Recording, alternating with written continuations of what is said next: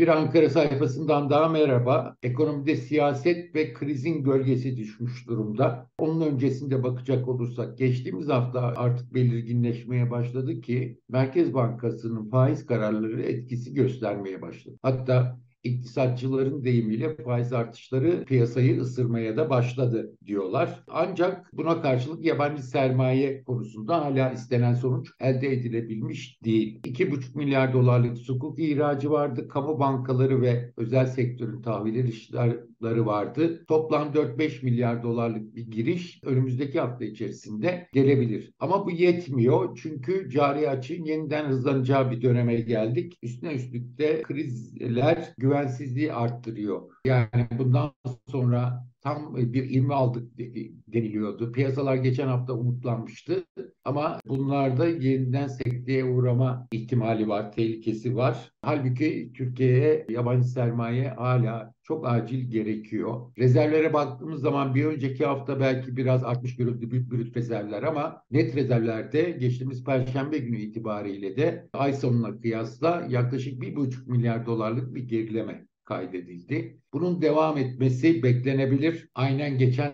Mayıs seçimlerinde olduğu gibi düşebilir rezervler iyice. Bunun ne etkisi olur? Kurlarda bir artışa, daha doğrusu iki buçukluk aylık kur artışlarının hızlandırılmasına neden olabilir. Bu da bütün planlarını bozar ekonomi yönetiminin. Her şeyden önce 2024 yıl sonu için beklentileri yüzde 40'a çekmek istiyor. Bu tehlikeye girebilir. Artı faiz beklentisi daha da yukarılara çıkabilir. Çünkü yabancı sermayede kurlar hızlanma tehlikesini görüyor. Bunun için çok daha yüksek faizler istiyor. Bunu çok açıkça görülüyor. Yani özet olarak bu tür krizlerin bize gösterdiği şu ki bu krizler Türkiye'nin işini zorlaştırıyor ve ekonominin maliyetini arttırıyor. Siyasilerin bu tür girişimleri, bu tür atakları ne tür kaygılarla, sahiplerle olduğu tam anlaşılamayan bu tür ataklar ekonominin faturasını büyütüyor. Daha önce biliyorsunuz %25-30'luk faizler yeter derken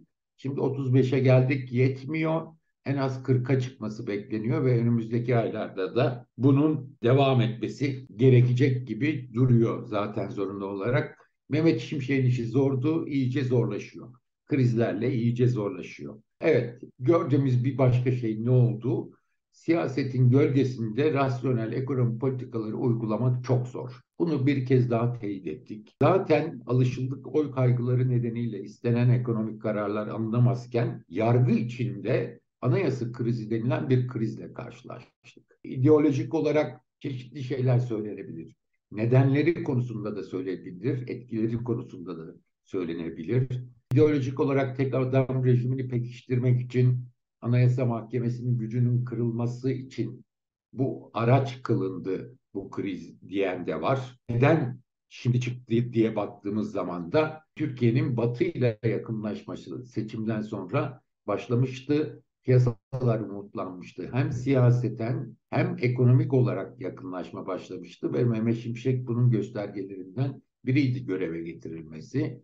Ama bir süre sonra krizler ardı ardına geldi. Avrupa Birliği ile ilgili çıkış oldu. Arkasından Hamas'la ilgili çıkış oldu. Şimdi de anayasayı, anayasa mahkemesini itibarsızlaştıran bir atak başladı. Yine başka bir yargı kurumu kanalıyla. Bunun nedenleri konusunda çok şeyler konuşuluyor. Bu batıyla yakınlaşmayla birlikte yeni İçişleri Bakanlığı'nın göreve gelmesi, bunun mafyayla, kaçakçılıkla gri listeden de çıkmak için çabalara girişmesi ancak son dönemde görüldüğü gibi yargı içindeki işte rüşvetle karar alma gibi mekanizmaların açığa çıkması, Bununla yine birlikte kaçakçıların bir başka biçimde magazin figürlerinin büyük kara para aklamalarına ortak olması, dışarıdaki uluslararası Interpol'ün aradığı kaçakçıların Türkiye'de artık yakalanmaya başlaması bunlar büyük bir suç ekonomisini oluşturuyordu. Son 3-4 yıldır çok ağırlaşan bir suç ekonomisi ve aynı zamanda devletin gücünün zayıflaması, sokakta herkesin kendi adaletini aramasına kadar bir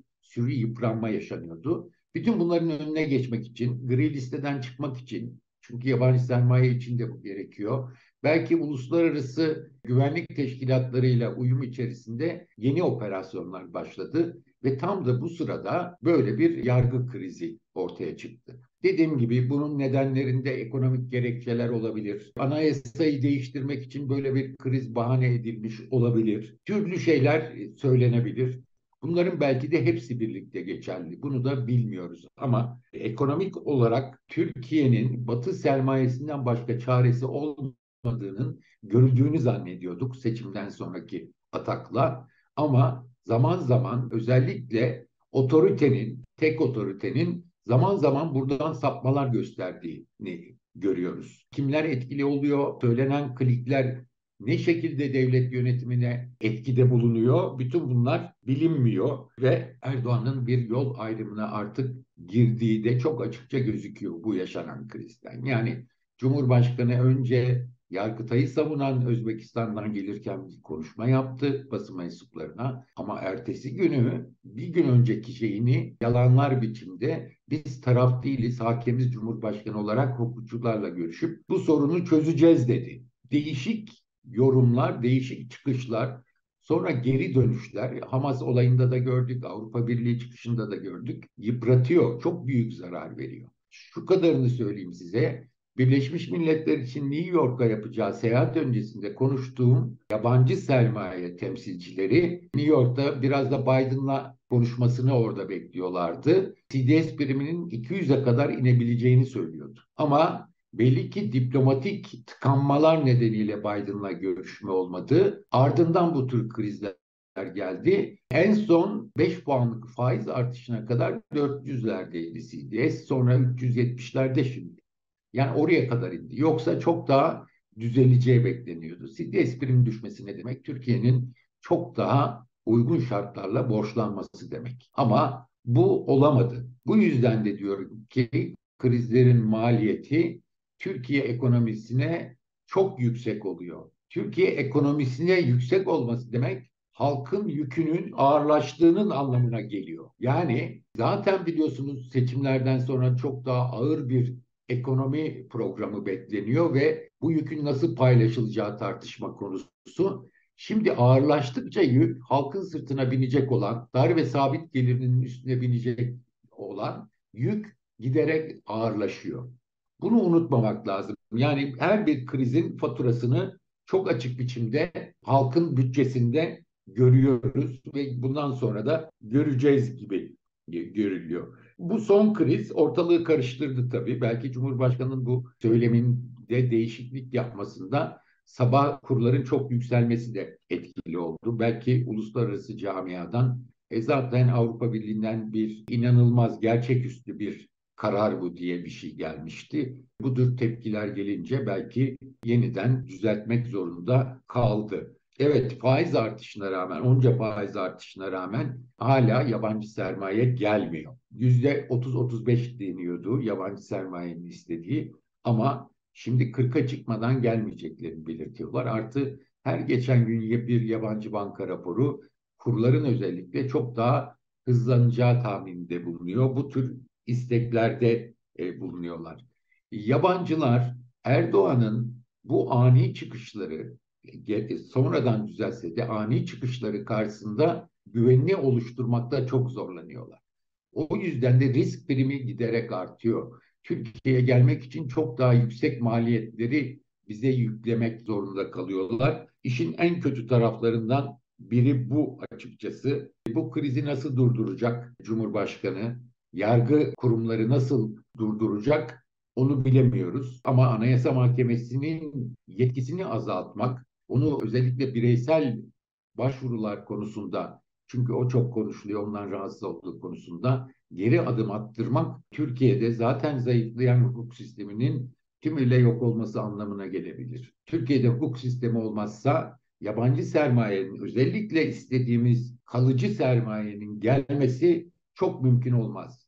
Bunun tersine var olanların çıkması bile söz konusu olabilir. Bu hem vatandaşlar için anayasanın korunması gerekiyor. Burada bir kaos yaratılmaması gerekiyor.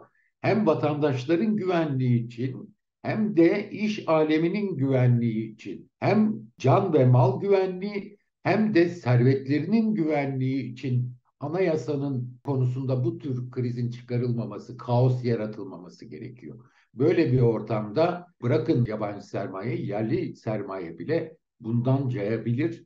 Bundan sonrası için çok daha büyük sonuçlara yol açabilir. Niye yapıldı bu kriz? Pek anlamış değiliz açıkçası. Daha doğrusu bir sürü sahip biraz önce de saydım. Olabilir bir sürü şey konuşuluyor. Ama sonuç olarak mesela MHP bu konuda Yargıtay'ı savunan, Anayasa Mahkemesi'nin zayıflatılmasını savunan, özellikle MHP'nin bir genel başkan yardımcısı diyor ki zaten bunun uygulamada şeyi yok. Ee, yani bir müeyyidesi yok. Yani Yargıtay bu suç duyurusunda bulundu diye Anayasa Mahkemesi'ne bu, bunun için bir işlem yapılacak değil. Çünkü diyor zaten 9 tane üye Can Atalay kararına kabul etmiş, geri dönsün demiş meclise. Bunlar hakkında yaparsanız zaten Anayasa Mahkemesi çalışamaz. E biliniyor zaten bunlar. E peki biline biline niye Anayasa Mahkemesi hakkında suç duyurusunda bulunuyor? Yani o zaman da baktığınız zaman bir tepişmenin, bir çatışmanın olduğu ama bundan sonuçta halkın zarar gördüğünü, her açıdan zarar gördüğünü unutmamak gerekiyor. Ve halkın da unutmaması gerekiyor bence bu tür krizlerde ne olduğunu. Ekonomik gelişmelere bakacak olursak, bu kriz öncesinde bakacak olursak e, biraz umutlanmaya başlamıştı piyasalar. 2,5 milyar dolarlık sukuk ihracı vardı. İşte Mersin Limanı için, işte ziraat katılımı için başka tahvil ihraçları özel bankalardan da oldu. Bir 4-5 milyar dolarlık bir giriş olacak. Ama bu önümüzdeki haftanın şeyini ekleyecek. Çünkü sukuk parası 14 Kasım'da girecek hazinenin kasalarına. Bu ancak öyle edilecek. Ama baktığımız zaman Merkez Bankası kararlarının etkisini artık hissetmeye başladık. Dediğim gibi iktisatçılar bunu ısırmaya da başladı diye tabir ediyorlar. Sanayi üretiminin gerilemeye başladığını 3 aydır görüyoruz. Bir buçuk aydır yatay gidiyordu zaten yatay sayılabilecek ölçüde ama son üç aydır bir gerileme barizleşmeye başladı. Kredi hacimlerine baktığınız zaman kredi artışlarına 3 aylık son 3 aylık ağırlık, ağırlıklandırılmış ortalamalarda %20'ye indiğini görüyoruz. Tüketici kredilerinde aynı biçimde. Tüketici kredilerinde daha doğrusu kredilerde ve mevduatta son 5 puanlık politika faiz artışından sonra bir artış görülüyor. Halbuki bu artış bir önceki hafta sonu itibariyle geçerli. Geçtiğimiz hafta başında ben bankacılarla yaptığım görüşmede kredi hacmi çok yükseldiği için faizler artık çok azaldığını o yüzden de mevduat faizlerinde düşürmeye başladıklarını söylemişlerdi. Herhalde bunun sonucunu önümüzdeki hafta alacağız. Ama ne olursa olsun etkisini göstermeye başladı. Tüketici kredileri, kredi kartları hepsinde bu faiz artışlarının etkisini görmeye başladık. Otomobil kredileri giderek geriliyor, toplu konut kredileri, konut kredileri durma noktasına gelmiş durumda. Bütün bunlar etkisini gösteriyor. Bu, bunun yanında ihracat yatay seyrediyor, düşmese bile yatay seyrediyor. Dolayısıyla önümüzdeki günlerde iç talebin kısılacağı çok açık kredilerden gördüğümüz kadarıyla bu arada reiskom kredileri de geçtiğimiz hafta içerisinde çok önemli bir artış göstermedi. Merkez Bankası orada sıkı duruyor belli ki. Bir önceki hafta ama e, faiz artışından önce demek ki yüklenme olmuştu. Şimdi biraz daha sıkmış durumda. Buradaki tek sıkıntı swap hacminin çok yüksek olması. Onun da nedeni hala rezervlerin bu kadar gerilemiş olması ve bankaların swapları karşılığında Türk lirası fazla fazla bol ligde piyasaya vermek zorunda kalması. Reel sektörde sıkışmalar başlayacak. Kasım Aralık gibi önemli daralmaları daha rahat, daha bariz biçimde görmeye başlayacağız. E daha sonra Ocak ayında maaş zamları ortaya çıkacak. Ondan sonra da bir gevşemenin olmasını bekliyoruz ekonomideki yavaşlamanın yılın ilk aylarında biraz dengelenmesi mümkün olabilir. Seçimden sonra ise, Nisan'dan sonra ise çok daha sıkı vergi artışları başta olmak üzere başka sıkı tedbirlerin devreye girmesi gerekecek. Rezervler için konuşmuştuk. Rezervler yeterli değil, yabancı sermayeye çok ihtiyaç var diye. 31 Ekim'de eksi 64.7 milyar dolardı. Kamu dahil swap hariç net rezervler 9 Kasım itibariyle eksi 66.2'ye inmiş durumda. Yani geçtiğimiz 9 günde 1,5 milyar dolarlık bir erime olmuş rezervlerde. Bunun bir kısmının altındaki değer kaybından kaynaklanmış olabileceği söyleniyor. Ama ne kadar şu anda ölçebiliyor değiliz. Cari açığın artık artış dönemi geldi. 4-5 milyar dolar geçtiğimiz haftaki o piyasaları umutlanan dış borçlanma 4-5 milyar dolar gelse bile dediğimiz gibi bu yeterli değil. Önümüzdeki dönem için 15 milyardan dolardan aşağı gelmemesi lazım. Rezervlerin bu seviyesini koruması için yani geçen hafta gelen yetmez. Bu krizler sonrasında ne olacağını da göreceğiz. Bir başka tahmin vereyim. E, yılbaşına doğru bu swap hariç kamu dahil net rezervlerin eksi 70 milyar dolar civarına inmesi bekleniyor açıkçası. Seçim öncesinde, Mayıs seçimleri öncesinde bunun düştüğü en kötü rakam, en düşük rakam eksi 75.5 milyar dolar gibiydi. Eğer ek bir para gelmezse, bu yapılan borçlanmalara ek olarak önemli bir kaynak girişi olmazsa o saate kadar yine Mart seçimleri öncesinde de eksi 70'in bile altına inecek bir rezervi görebiliriz. Bu niye önemli? Bu kurlar için çok önemli. Biraz önce de söylediğim gibi kurlarda baskıyı arttırıyor. Son günlerde onu da söyleyelim. Aylık biliyorsunuz birkaç aydır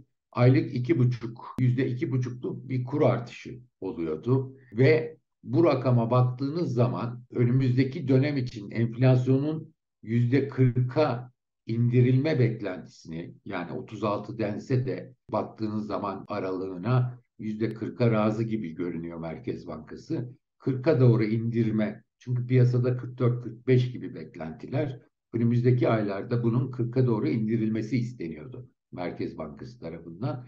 Bu hesaba göre aylık yüzde iki buçukluk kur artışı uygun bir artıştı. Ama rezervler nedeniyle bu baskı artarsa Merkez Bankası kur artışını hızlandırmak zorunda kalabilir. Yani yüzde üçlere, üç buçuklara çıkmak zorunda kalabilir bu baskı artınca. İşte o da enflasyon hesabını bozar. Yani yüzde kırka olmaz. Yani yabancı da bunu görüyor. İktisatçılar da bunu söylüyor. Yabancılar da yüzde iki buçukluk kur artışı devam eder mi? O konuda endişeli. Ona baktığın zaman yüzde otuz beşlik faiz bunun için yetmiyor girişleri için diye. O yüzden yüzde kırkı istemeye başlamışlardı. Şimdi rezerv nedeniyle yabancı sermaye gelmezse kur artışları hızlanmak zorunda kalabilir. Bu hem enflasyonu bozar hem Türk lirasına dönüşü yavaş yavaş gördü, görüyoruz. Döviz hesaplarında KKM ile birlikte hesaplandığında TL'ye bir dönüşün olduğunu,